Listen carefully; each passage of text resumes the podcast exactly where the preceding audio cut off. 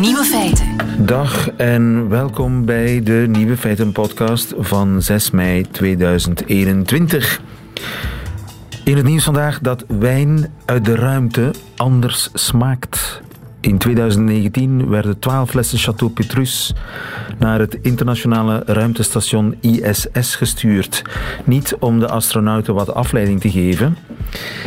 Want het kan daar ook saai zijn, ondanks het wonderfraaie uitzicht, maar als onderdeel van een wetenschappelijk experiment om te kijken hoe een ruimtereis de rijping van een wijn beïnvloedt. 400 dagen, meer dan een jaar, verbleven de flessen in de ruimte en in totaal legden ze 300 miljoen kilometer af in volledige gewichtsloze toestand.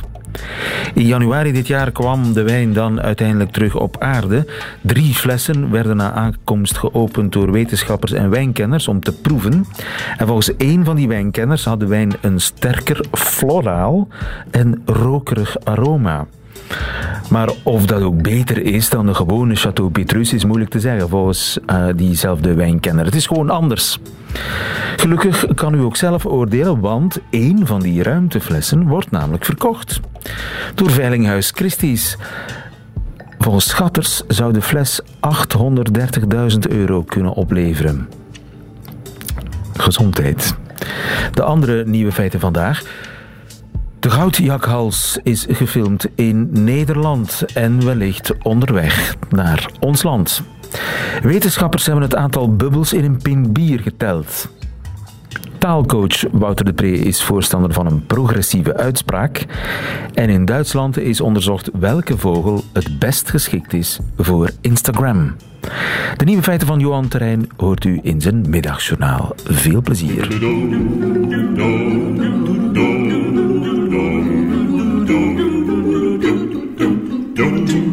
Nieuwe feiten.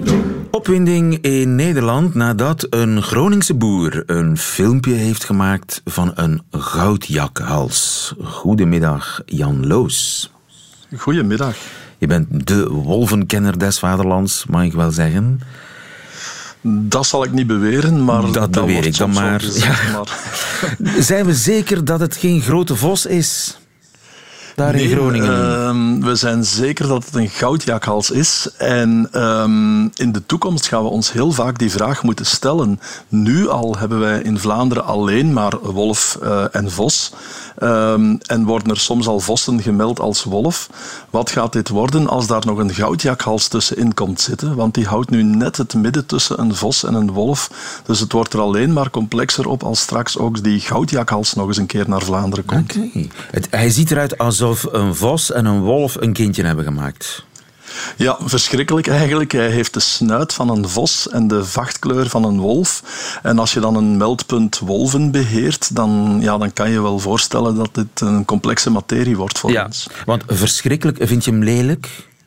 Nee, ik vind hem niet lelijk. Ik denk aan het extra werk natuurlijk. Ah, natuurlijk, is hij meer, de natuurlijk, natuurlijk, is hij, eh, natuurlijk is hij meer dan welkom. We hebben ook al jaren geleden de, de website welkomjakhals.be in het leven geroepen eh, voor de dag dat het nodig zou zijn. En Nederland is niet ver. De dag dat het nodig zal zijn, komt dichterbij, hè? Die, ja, die komt absoluut dichterbij. Het is een beetje een herhaling van wat we met de wolf hebben meegemaakt. Eh, we zagen overal in onze buurlanden wolven opduiken. En België bleef het laatste land in Europa dat nog geen wolven had op zijn grondgebied. Dat is ondertussen duidelijk opgelost. En met de jakhals gaat het helemaal dezelfde kant op. Eh, de vijfde keer al in Nederland tientallen meldingen in Duitsland, de eerste meldingen in Frankrijk. Ja, België is geen eiland, eh, Vlaanderen al even min, dus wij krijgen op relatief korte termijn jakhalzen op bezoek, als ze er al niet zijn. Maar er is alleszins niks over bekend. Er zijn nog geen meldingen, er zijn nog geen boeren die filmpjes hebben gepost. Nu, waarom bengelen wij altijd achteraan? Ja, blijkbaar zijn wij eh, het land dat als laatste gekoloniseerd wordt, maar dat nadien dan wel kan gaan fungeren als kruispunt. Dan merk je nu al dat de Franse wolven die uit het zuiden komen en de Duitse wolven bijvoorbeeld die uit het oosten, maar dan uiteindelijk via het noorden, via Nederland komen, dat die elkaar hier beginnen te ontmoeten. En wie weet gaat het met de goudjakkals ook die kant op, dat ze vanuit Frankrijk, Duitsland en Nederland tegelijkertijd onze kant gaan opkomen. En dan worden wij een soort café. Ja, een, ontmoetingsplaats voor goudjakhals, wolf uh, en de vos, ja, die is er al. Uh, dus ja, dat wordt, dat wordt heel boeiend om te zien. Vooral ook omdat die drie niet goed met elkaar overweg kunnen. Uh, een wolf die zal in principe een goudjakhals die hij kan vatten doden, idem met een vos. die, ja, de goudjakhals die zal ook een vos doden, maar heeft dan weer schrik voor de wolf. En het is een, een heel, heel boeiend om te zien welke niche die gaat innemen in, onze, in ons ecosysteem. En zijn dat concurrenten van elkaar? Tot op zekere hoogte zijn het voedselconcurrenten. Dat is ook de reden waarom ze elkaar naar het leven staan. Maar de goudjakkals bijvoorbeeld leeft vooral van kleinere prooien, knaagdieren, hazen, uh, muskusratten. Uh, ik denk als die Vlaanderen bereikt dat de Vlaamse overheid kan, helemaal kan stoppen met de muskusrat te bestrijden, dat zal dan de goudjakkals wel afwerken. Het klinkt uh, alsof die goudjakhals wel zal gedijen bij ons die gaat gedijen. Maar wat, wat heel bijzonder is, dat is dat het eigenlijk een nieuwkomer is. In tegenstelling tot bijvoorbeeld de wolf, die een terugkomer is. Die was hier eeuwenlang en we hebben die uitgeroeid. Uh, is de goudjakhals hier nog nooit geweest. Die komt uit Zuidoost-Europa. En toch is het geen invasieve exoot. Hij is dus echt bezig aan een natuurlijke areaaluitbreiding. Is ook een Europees beschermde soort. En als hij langzaam maar zeker zijn areaal uitbreidt en tot bij ons geraakt, dan is hij ook beschermd de dag dat hij zijn eerste pootjes op Vlaamse bodem zet. Dus hij uh, komt eigenlijk dus... oorspronkelijk uit ja, Griekenland, de Balkan, die streken. Ja, Wat ja, lokt hem naar hier? Wel, dat is dus de grote vraag. Hè. Je zou kunnen opperen, het is de klimaatwijziging. Dat klinkt logisch, hè, dat die noordelijker kan oprukken en westelijker dankzij de klimaatwijziging. En dat zal wel een factor zijn, maar er is meer aan de hand. Um, het afval dat wij overal achterlaten, en misschien in onze contraien een beetje opgelost, hè, die open huisvuilstorten en dergelijke. Maar in Oost-Europa bijvoorbeeld biedt hem dat de kans om zich uit te breiden. En dan, uh, klinkt misschien ook een beetje bizar, maar de veel te lange jacht op de wolf. Uh, wolven zijn zijn uh, dieren die die goudjakhals uh, liever niet uh, passeert. En natuurlijk, als je de wolf gaat uitroeien, dan heeft de goudjakhals vrij spel. En dan kan die ook eeuwenlang werken aan zijn uitbreiding. En dat heeft hij ook gedaan. Dus de jagers bijvoorbeeld die illegaal wolven schieten, die krijgen daar eigenlijk een jakhals voor in de plaats. En als ik nu een, een, boer ben met kippen en schapen, dan zie ik nog de wolf, nog de jakhals graag komen, denk ik. Nee, dat klopt. Eén uh, voordeel is natuurlijk dat wij momenteel bezig zijn, en zeker in Limburg, uh, ons aan te passen aan het voorkomen van wolf door omheiningen wolfproef te maken. Het grote voordeel is, een omheining die wolfproef is, die is meteen ook jakhalsproef, die is ook uh, loslopende hondproef. Dus je hoeft die inspanning maar één keer te doen, eigenlijk tegen de wolf, en meteen ben je ook beschermd tegen jakhals. Ja. Nu, Kempen Limburg, gaat, gaan de, de beide Vlaanders en Brabant en zo die, die, dat uh, goudjakhals vrij blijven, denk je?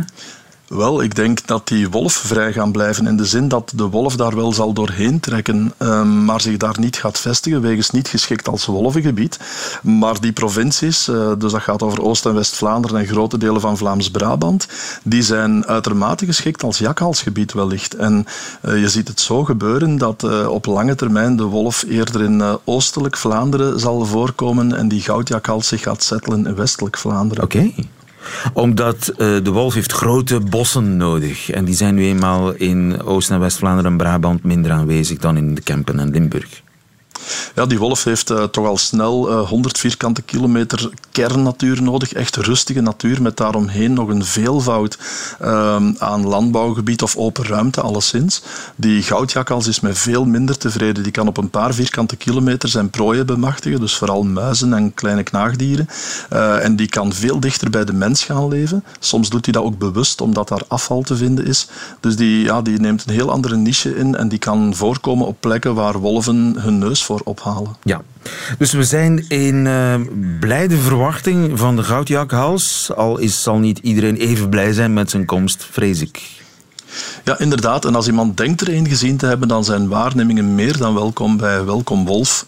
Uh, tegelijk ook uh, Welkom Jakhals. Welkom Wolf en welkom uh, Jakhals. Als u er een gespot heeft, hij ziet eruit als een grote vos of een kleine wolf. Hij heeft kenmerken van de beide dieren. Jan Loos, dankjewel. Goedemiddag. Graag gedaan.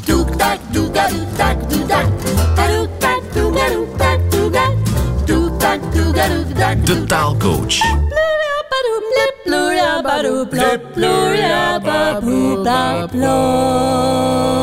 Wouter de Pre. Wouter de Pre is onze taalcoach en daar zijn we heel erg blij mee. Goedemiddag, Wouter. Goedemiddag, lieve. Zeg, Wouter, wat mij een klein beetje verbaast, het gaat nu al twee weken in de krant vaak over spellingsregels en aanpassing daarvan, de afschaffing van de DT-regel en hond met een T en zo van die dingen. Ik heb jou daar nog niet over gehoord.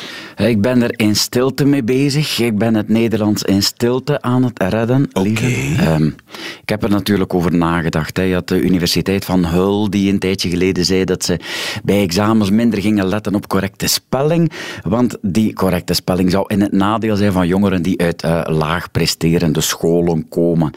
En uh, uh, ja, ze zeiden zelfs dat de nadruk op correcte spelling zou kunnen worden gezien als Noord-Europees, wit, mannelijk, elitair. Ja. Hmm, het, het, is een terugkerende gedachte. Hè. We hebben het al gehad voor uh, het Vlaams nationalisme. In een ver verleden heeft al gevonden dat het Nederlands veel te veel de stempel van de Franstalige onderdrukker droeg. We hebben een deeltje van de linkerzijde gehad, dat 50 jaar geleden ook al heeft gevonden dat onze ingewikkelde spelling de arbeiderskinderen de toegang belemmerde tot Juist, het hoger ja. onderwijs. Ja. Maar die bewegingen waren heel ambitieus. Ze deden moeite om de spelling aan te passen, om het te vereenvoudigen, volkser te maken en om daar politiek voor te lobbyen. En ik ben altijd ongelooflijk fan geweest van de ambitie van die nieuwe spellingssystemen. Ja. Eh, Voor de oude Vlaamse nationalisten droeg een nieuwe spelling meer eigenheid in zich, wat dat we nu misschien met een modewoord identiteit zouden noemen. Voor de oude linkerzijde zou een meer logische spelling zorgen voor uh, gelijkheid, voor meer arbeiderskinderen in het hoger onderwijs. En ben je daar dan voor, voor een nieuwe spelling van het Nederlands? Eentje, een, een nieuw te ontwikkelen spelling? Ik denk niet dat er, dat er bewegingsruimte is op dit moment. Ik denk niet dat we zo logisch kunnen krijgen. Het is een volledige koterij, onze spelling, maar het voelt wel aan zoals onze koterij. Uh, als, als daar naar gevraagd wordt, is er 80% van de bevolking die absoluut geen nood heeft aan een spellingshervorming. En als je het aan taalwetenschappers vraagt, dan blijkt dat we ook nog relatief goed spellen, als het voor echt is tenminste, in, in een brief, in een officieel document. Dus die spelling zit vast en daar moeten we ons bij neerleggen, denk ik. Maar ik vind dat we met de taalnerds de plicht hebben om te zoeken naar meer logica in het Nederlands, tot in de treuren. Toch meer en, logica? Ja, ik denk dat we het niet moeten zoeken in de spelling, maar in de progressieve uitspraak. Aha. Dat is nieuw, de progressieve uitspraak. Leg dat eens ja, uit. De, we hebben de spelling onder de knie, maar op onze uitspraak van het Nederlands zit nog enorm veel speling. Een Groning heeft een heel andere tongval dan een Limburger. Een Fries die Nederlands spreekt doet dat helemaal anders dan een West-Vlaming. Dus als we nu eens zouden streven naar een eenheidsuitspraak en dan ondertussen ook de uitspraak van ons geschreven Nederlands logisch maken. Daar ga je toch eens een paar voorbeelden van moeten geven, hoor. Van die progressieve, eenvormige uitspraak die identiek is van Groningen tot Poperingen. Neem nu lieve, de CH, die moet ja. overal hetzelfde klinken. Dus ja, ja, ja, zoals in school bijvoorbeeld. Maar we hebben ook een woord als champignon en dat klopt voor mij helemaal niet. Dus die, die CH in champignon, dat moet champignon worden, vind ik. Een parachute wordt een parachute en dan krijgen we zin als de chirurg neemt een douche en dat wordt dan de chirurg neemt een douche in mijn progressieve uitspraak. Oké, okay, dat is wel even wennen, moet ik zeggen. Ja, maar je zult er snel aan gewoon zijn. er zijn nog een paar kleine aanpassingen. De C bijvoorbeeld, die ah. moet overal hetzelfde klinken. Dus we hebben nu de C in cel, maar die spreken we uit als een is. En ja, daar hebben we al een is voor. Dat is onlogisch. We hebben de K-uitspraak van C, zoals in contant, maar daar hebben we ook al die K voor. Dus ik stel voor dat we die C vanaf nu uitspreken als tj. Daar hebben we nog geen letter voor in het Nederlands. Dus dan zit een dief in de chel en bij de bakker betaal je chontant of met banchontaitst. Banchontaitst. Ik begin al te ja, oefenen. Hè? Ja, maar dat, dat komt wel. En dan krijg je bijvoorbeeld... De chirurg neemt een douche en consumeert een stukje chocola. In de traditionele uitspraak wordt dan... De chirurg neemt een douche en consumeert een stukje chocola. Makkelijk. Ja, de, de T moet ook overal hetzelfde klinken, namelijk gewoon als een T. Dus een woord als operatie, ja, dat moet operati worden.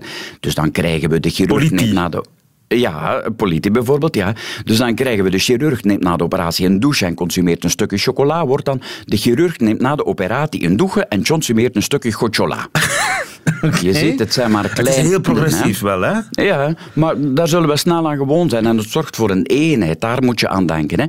We krijgen ook de leenwoorden die eh, bij mijn progressieve uitspraak Nederlands uitgesproken zullen worden. Dus uh, woorden als een bidet bijvoorbeeld, dat wordt een bidet.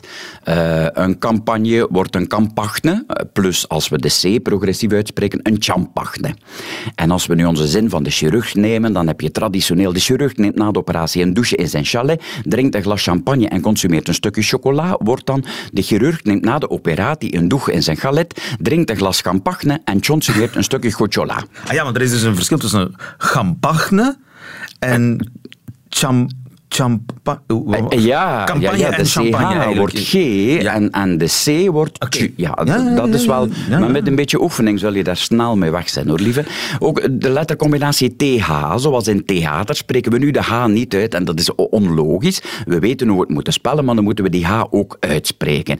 Dus het theater wordt theater, T wordt T.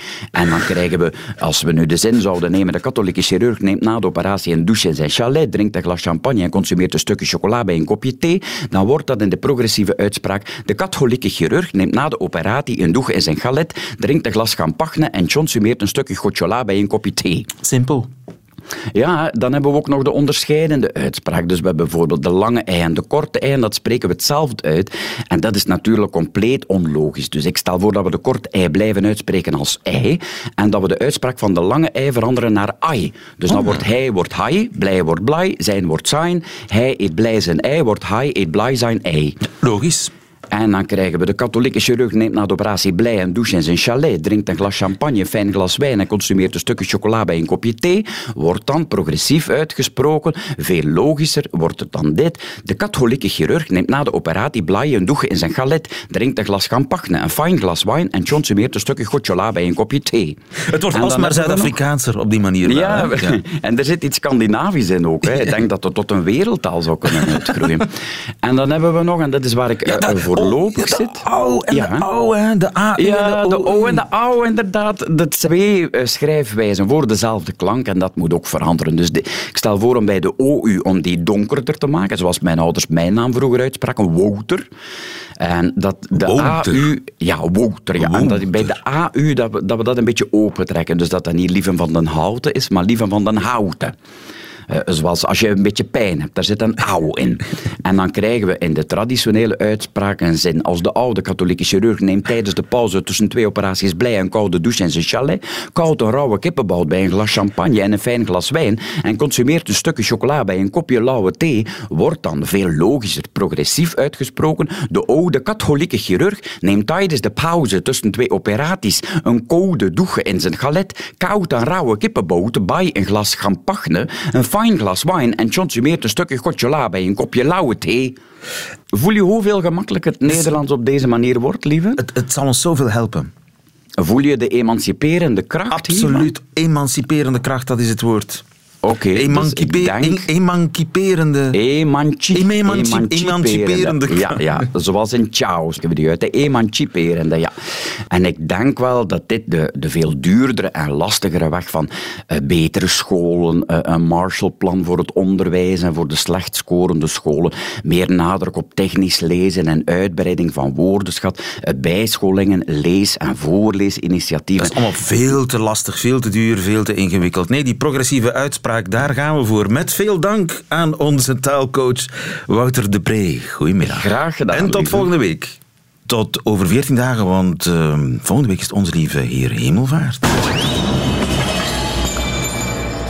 Lieven van den Houten. En de held van de dag is de uilnachtzwaluw, want de uilnachtzwaluw is door Duitse wetenschappers uitgeroepen tot de meest grambare vogel ter wereld. Met name dus de vogel met het grootste potentieel succes op Instagram. Jochem Vrieling, goedemiddag. Goedemiddag. Je bent naast professor aan de universiteit ook vogelkenner en verwoed natuurfotograaf.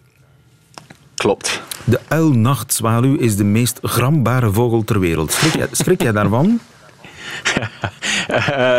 Ja en nee. Het is, het is misschien een beetje een typische winnaar, omdat het een, eh, een- vogel is. Eh, ik weet niet of je hem al gegoogeld hebt, maar eh, het het is niet een klassiek mooie...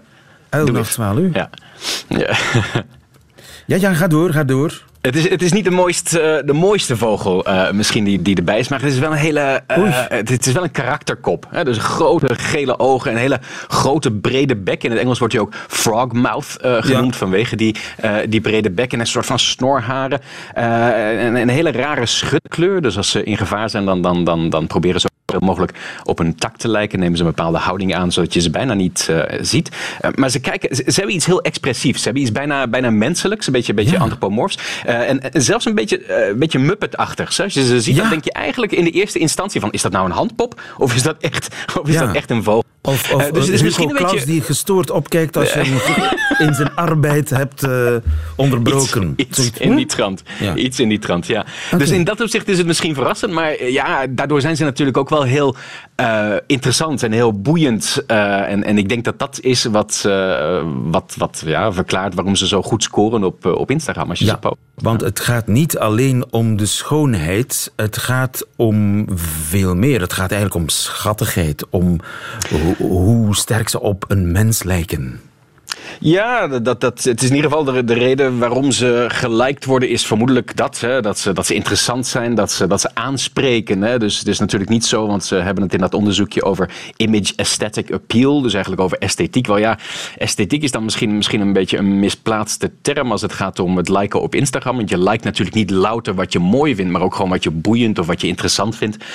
Um, dus dat, uh, dat, dat zie je heel duidelijk spelen. Hoewel ja. je natuurlijk in heel veel van de andere uh, vogels, als je kijkt naar de rest van het lijstje van wat hoog scoort, ja, dat zijn wel de klassiekers. Hè? Dus de, de, de ijsvogels, de toeraco's. Uh, ik weet niet of je die beesten kent, maar dat zijn van die hele kleurrijke, exotische beesten met grote kuiven en, en veel kleur. Dus, dus dat, dat zie je ook wel. Dus het, uh, die klassiek mooie beesten die doen het ook echt goed. Ja. De klassiekers doen het altijd goed. Je hebt 10.000 volgers op Instagram. Uh, jij fotografeert Zoiets, ook, ja. uh, bij ons. Want je, je, woont uiteraard, je klinkt Hollands, maar je woont al heel lang, eeuwenlang in, in, in Vlaanderen, in Leuven.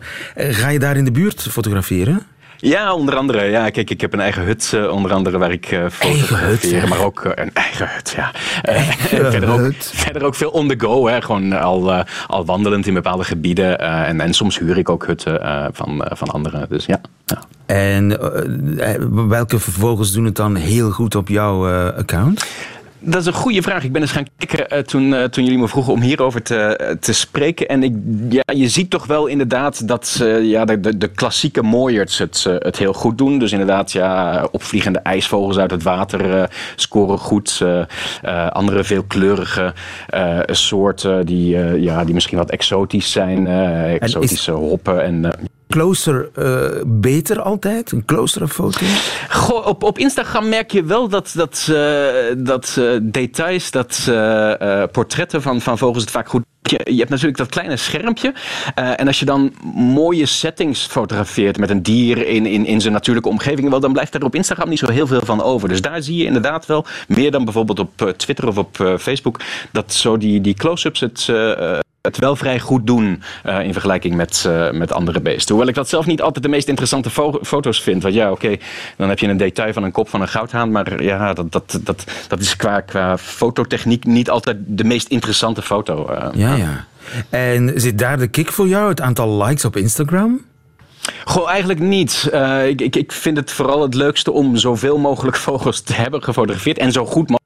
Uh, uh, en, en of dat dan geliked wordt, goh, ja, ik, ik, ik hou wel een beetje rekening met wat ik post. Maar vooral denk ik om wat diversiteit uh, te bereiken. Dus dat je niet continu, je kan natuurlijk continu ijsvogels zitten posten, maar zo, zo boeiend is dat op een gegeven moment ook niet meer. Dus ik probeer een beetje een, een, een brede selectie zodat mensen van alles, uh, van alles te zien krijgen. Ja, blijft toch de jacht, het eeuwige jachtinstinct ja. dat een man drijft natuurlijk. zijn, zijn er uh, bepaalde kleuren die het goed doen op Instagram? Ja, dus dat zie je ook in dat onderzoek. Uh, en dat sluit eigenlijk aan bij algemeen kleurenvoorkeuronderzoek. Dus het blijkt gewoon dat mensen in het algemeen een, een voorkeur hebben, esthetische voorkeur voor uh, kleuren zoals rood en vooral blauw. Uh, en minder voor geel en, en, en groen en dergelijke meer. En dat zie je ook terugkomen in dit, uh, dit onderzoek. Dus we hebben die hypothese getest en ook gekeken of, of dat meespeelt. Spelen dus inderdaad vogels die, die, die in blauw zijn. Dus opnieuw, hè, de ijsvogel, onze ijsvogel, uh, scoort op dat vlak natuurlijk ook goed. terwijl de groenigere vogeltjes, die kleine loofzangertjes, die, die allemaal een beetje hetzelfde eruit zien, wat minder scoren. Laat nu dat het bijzondere zijn aan die uilnachtzwaluw, want volgens mij is die ja. grijs. Die is grijzig bruin, ja. Dus, dus op dat vlak valt hij totaal niet op. Dus ja, die moet het echt vooral hebben van zijn, ja, zijn karakterkop, hè. Zijn muppetkop. De muppetkop. ja. De Jan de Kleijer van de Vogels, zullen we maar zeggen. Jochem Vrielink, dankjewel. Goedemiddag. Dag.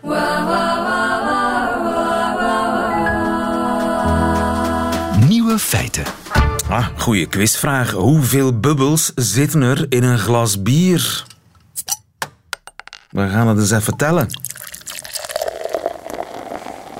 Enfin, ik hoef gelukkig niet uh, zelf te tellen, want dat hebben ze aan de Universiteit van Rijms al gedaan. Niet toevallig in de Champagne-streek. Goedemiddag, Gert de Roek. Goedemiddag, lieve. Van de pilootbrouwerij van de Universiteit van Leuven. Het verbaast me enigszins dat de Universiteit van Leuven een brouwerij heeft. Uh, er zijn zelfs twee brouwerijen, want er staat een brouwerij op de campus te Leuven en wij zitten hier gestationeerd te, te Gent. Oké. Uh, waar wij inderdaad een, een, brouwerij hebben van 500 liter capaciteit. En bier is een zeer fascinerend product, omdat het uh, eigenlijk alles bevat wat een ingenieur nodig heeft uh, om van een grondstof tot een finaal eindproduct te komen. Dus zowel naar biochemie, microbiologie en de technologie.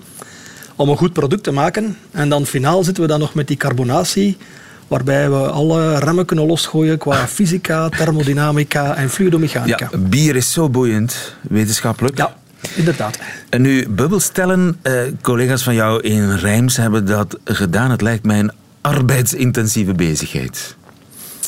ze, hebben eerst, eh, ze zijn begonnen met uh, allerhande theorieën op los te laten. Uh, en omdat er uh, de ideale gaswetten bestaan, hè, van hoeveel gas kan je in een oplossing uh, opgelost krijgen en ah, wat zijn daar de ideale Ze hebben het in theorie geteld. Ja, dus ze hebben het in theorie geteld en hier en daar dan een beetje in de praktijk proberen te toetsen door via fotografie ja, te gaan kijken of dat die modellen wel kloppen, ja dan nee. Ja. En in de studie zijn ze dus te werk gegaan met champagne en met een pilsbier. Oké. En, dat, dat, is, dus eh, heel nuttige kennis. Weten hoeveel bubbels er in een glas bier zit. Uh, nuttig en, en, en niet in die zin. De bubbels zijn uitermate belangrijk voor, voor de smaakperceptie van het finale product. Aha. Uh, maar alles hangt ook af van het bier zelf. En alles zal afhangen van het glas en, en ook van de manier waarop het glas gevuld geraakt. Ja, dus er is eigenlijk geen standaard hoeveelheid bubbels in een glas bier. Maar er is misschien uh, een, een, een, schatting van het aantal gewenste bubbels in een goed geschonken glas bier. Zoiets. Ja, dus eh, die schatting is daar inderdaad. En ja, eh, de terrassen gaan open dit weekend. Dus waarschijnlijk zal uw glas zeer snel leeg zijn. En dan heeft het niet eens de kans gehad om al die bubbels te kunnen zien. Ja, maar op hoeveel komen ze nu eigenlijk? Ja, dat zit tussen de 500.000 en, en, en 1 miljoen en half uh, bubbeltjes. Anderhalf miljoen een, bubbeltjes? glas. Ja, anderhalf miljoen bubbeltjes dat in een glas uh, bier uh, aanwezig kan zijn. Maar dan moet je natuurlijk wel wachten tot wanneer al die bubbels verschenen zijn. En die bubbels, waar komen die eigenlijk vandaan? Is dat het resultaat van de, van de gisting, van, het, van de, het produceren zelf van bier? Ja, dus tijdens de gisting gaan we een brouwer die moet suiker maken uit graan. Dat is de, de belangrijkste taak. En dan zal gist die suikers omzetten tot uh, alcohol en CO2. En bubbels is eigenlijk CO2? Zal, ja, dus eigenlijk die bubbeltjes zijn CO2, gasbelletjes, koolzuur. Uh, belletjes. En die worden dus gevormd, maar die ontsnappen ook tijdens de vergisting. En eigenlijk blijft er maar een, een 15% van de natuurlijk gevormde CO2-bellen die blijven achter in het bier. Ja. Dus vooral je dat een brouwer dan het bier gaat bottelen, of ook de champagne, moeten we eigenlijk een carbonatie doen. En moeten we dus op een of andere manier extra CO2 terug in het bier krijgen of in de champagne krijgen. En dat kan door uh, nagisting te gaan doen op de flessen of door mechanisch die CO2 te gaan in uh, de leiding blazen. Dus in een, in een normale standaard pint zit eigenlijk uh, toegevoegd koolzuur? Ja, daar zit toegevoegd koolzuur, omdat koolzuur enorm slecht oplost. En dat is dan ook de reden waarom dat eenmaal het product in ons glas zit, dat die CO2-bellen weer vrijkomen. Ja, dus de, de, druk, de druk gaat van de fles, de stop gaat, gaat van de fles en dus die CO2 zoekt zijn weg naar de uitgang. En die zoekt zijn weg naar de uitgang. Ik zit hier naar mijn pin te kijken en ik heb het idee dat die belletjes allemaal ja, op de bodem van het glas beginnen. Ja, wel, om uh, die belletjes vrij te krijgen hebben we eigenlijk uh, ja, oneffenheden nodig. Uh, in, in, de wetenschappelijke term zijn dat nucleotiden. Maar we moeten dus. Oneffenheden? In het glas? Oneffenheden, Zit, ja. Maar en dat, glas betekent, is toch glad? Uh, ja, met het oog misschien, maar als we microscopisch gaan kijken, dan is dat verre van, van glad. En als uw glas al een uh, hele levensweg gehad heeft met heel veel reinigen, zeker in horeca met die borstels, dan komen daar dus minuscule krasjes in. En het is op die krasjes dat we inderdaad die vrijstelling van die belletjes gaan krijgen. Oké. Okay. Er zijn een aantal brouwers die zich daarin gespecialiseerd hebben en effectief een, een kras maken in, in de bodem van het glas. Uh, mechanisch. Dus dat, en dan meestal gaan ze dan de eerste letter van, uh, van de naam of, of, een klein logootje in het glas gaan, gaan Duvel heeft dat, hè? Uh, ja, ik wou geen merken noemen, ja, maar voilà, ach, de, de, u noemt het zelf. Uh, maar geen enkel probleem. Maar inderdaad, dus op die manier ga je dus geforceerd op die locatie. En dan zie je heel goed dat op die locatie er een fontein van, van, van, van belletjes naar boven komt. Uh, en, en, dat we dus een prachtig uh, dansschouwspel hebben van, van ontsnappend ja. CO2. En zit er veel verschil in prik tussen de diverse biersoorten? Ja, ja, er is een enorm verschil naar CO2-gehalte uh, in, in de bieren. Dus de, de, de lichtere bieren, noem, noem maar de pilsbieren en alles wat daar rond die 5% alcohol zit, dat zal op flesniveau zal dat rond de 5,5 à 6 gram CO2 per liter bevatten. Maar naarmate dat we dus uh, zwaardere bieren gaan maken, dan hebben we en meer alcohol, maar we hebben ook meer graan of grondstof nodig gehad om dus die hogere alcohol te gaan, gaan produceren. En dat betekent dat we eigenlijk met hetzelfde 5,5 gram CO2 gaan we te weinig prik voelen in onze mond. De graancomponenten of de residuele graancomponenten die nog in het bier aanwezig zijn, die gaan voor zodanig veel maskering zorgen dat die ja. prikkel minder is. En daarom moeten wij dus een hoger gehalte aan CO2 uh, in ons bier gaan brengen, wat naarmate dus dat we zwaarder bier hebben. Dus en dan zwaarder bier hebben... makkelijk naar 7 tot, tot 8,5 okay. gram CO2 per liter. Dus die hebben meer koolzuur nodig om de smaak tot zijn recht te laten komen? Ja, omdat anders de, de, de, er te veel smaak van het bier zal zijn en eigenlijk het bier te plat gaat overkomen. Ja, want... Ondanks het feit dat er misschien evenveel koolzuurgas in zit, ja. maar het zit meer gevangen in het bier. En ook de, de, de residuele smaakcomponenten die van het graan komen, ja, die, die gaan die, die CO2-prikkel gaan een beetje verdoezelen. Ja, het is toch eigenaardig hè, dat koolzuur, wat dus eigenlijk een gas is, essentieel is voor de smaak van een drank. Ja, absoluut. Uh, het is dus die, die, die prikkel die inderdaad de doordringbaarheid mee, zal bepalen. En ook het ontsnappen van het gas in onze mond zal ervoor zorgen dat we vluchtige stoffen, aromacomponenten, terug gaan waarnemen in onze neus. Dus onze keel en onze neus staan eigenlijk inwendig in verbinding met elkaar. En dat aroma kan maar vrijkomen of waargenomen worden uh, via die bubbels? Wordt makkelijker, eh, omdat, omdat we dus een ontsnappend gas hebben. Hè. Dus dat, dat, dat, dat helpt de verdamping van die vluchtige moleculen in onze mond. Wanneer we een plat bier hebben, dan zal dat ook wel werken, maar dan moet je zelf met je tong wat meer gaan ronddwarrelen om, om de vluchtige componenten makkelijker los te krijgen. Ik onthoud uh, tot anderhalf miljoen bubbels in één glas bier.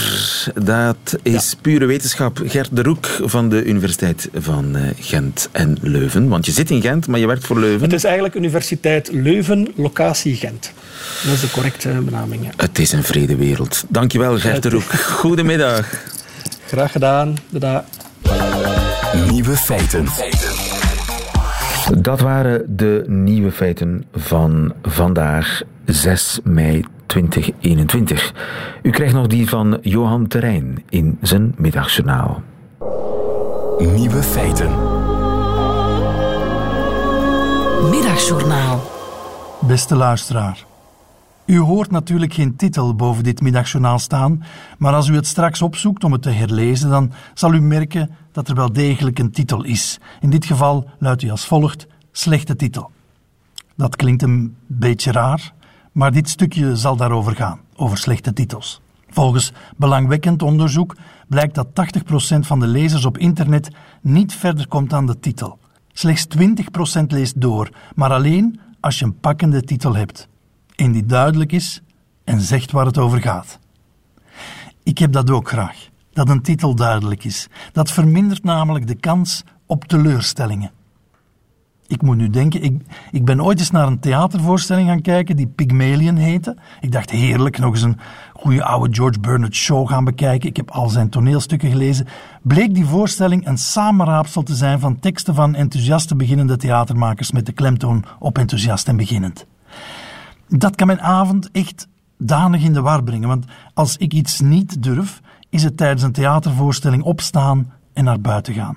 Dat komt ik heb het ooit Julia Schoenaerts weten doen. Ergens halverwege een Harold Pinter. Schoenaerts stond recht, midden in de rij, sloeg een gigantische sjaal over zijn schouders en zei luidop: Ik ga een ijsje eten. En toen moest hij nog beginnen met tussen zetels en benen door de uitgang te bereiken. Ik was vijftien of zo en sindsdien durf ik in het theater niet meer op te staan en buiten te gaan, omdat ik het gevoel heb dat ik dan minstens een even goede one-liner ten berde moet kunnen brengen. Dank u wel. Maar ik had het dus over een duidelijke titel. Hoe meer die vertelt wat je krijgt, hoe beter. En zeker op het internet. Geef er dan ook nog maar een onheilspellend geurtje aan en doe er gerust een cijfer bij. En als je daarachter nog schrijft: dit is wat we weten of dit ligt er op tafel, dan ben je helemaal zeker dat er gelezen zal worden. Achteraf beschouwd is slechte titel dus eigenlijk een bar slechte titel. Ook al voldoet het aan de vereisten van de duidelijkheid. Na het lezen van slechte titel verwacht je niet meteen een parel van een stukje tekst. Maak er dus maar van vijf redenen waarom niemand doorleest na een slechte titel. Dit is wat we nu weten. En dan verzin ik straks nog wel die vijf redenen. Maar eerst ga ik een ijsje eten.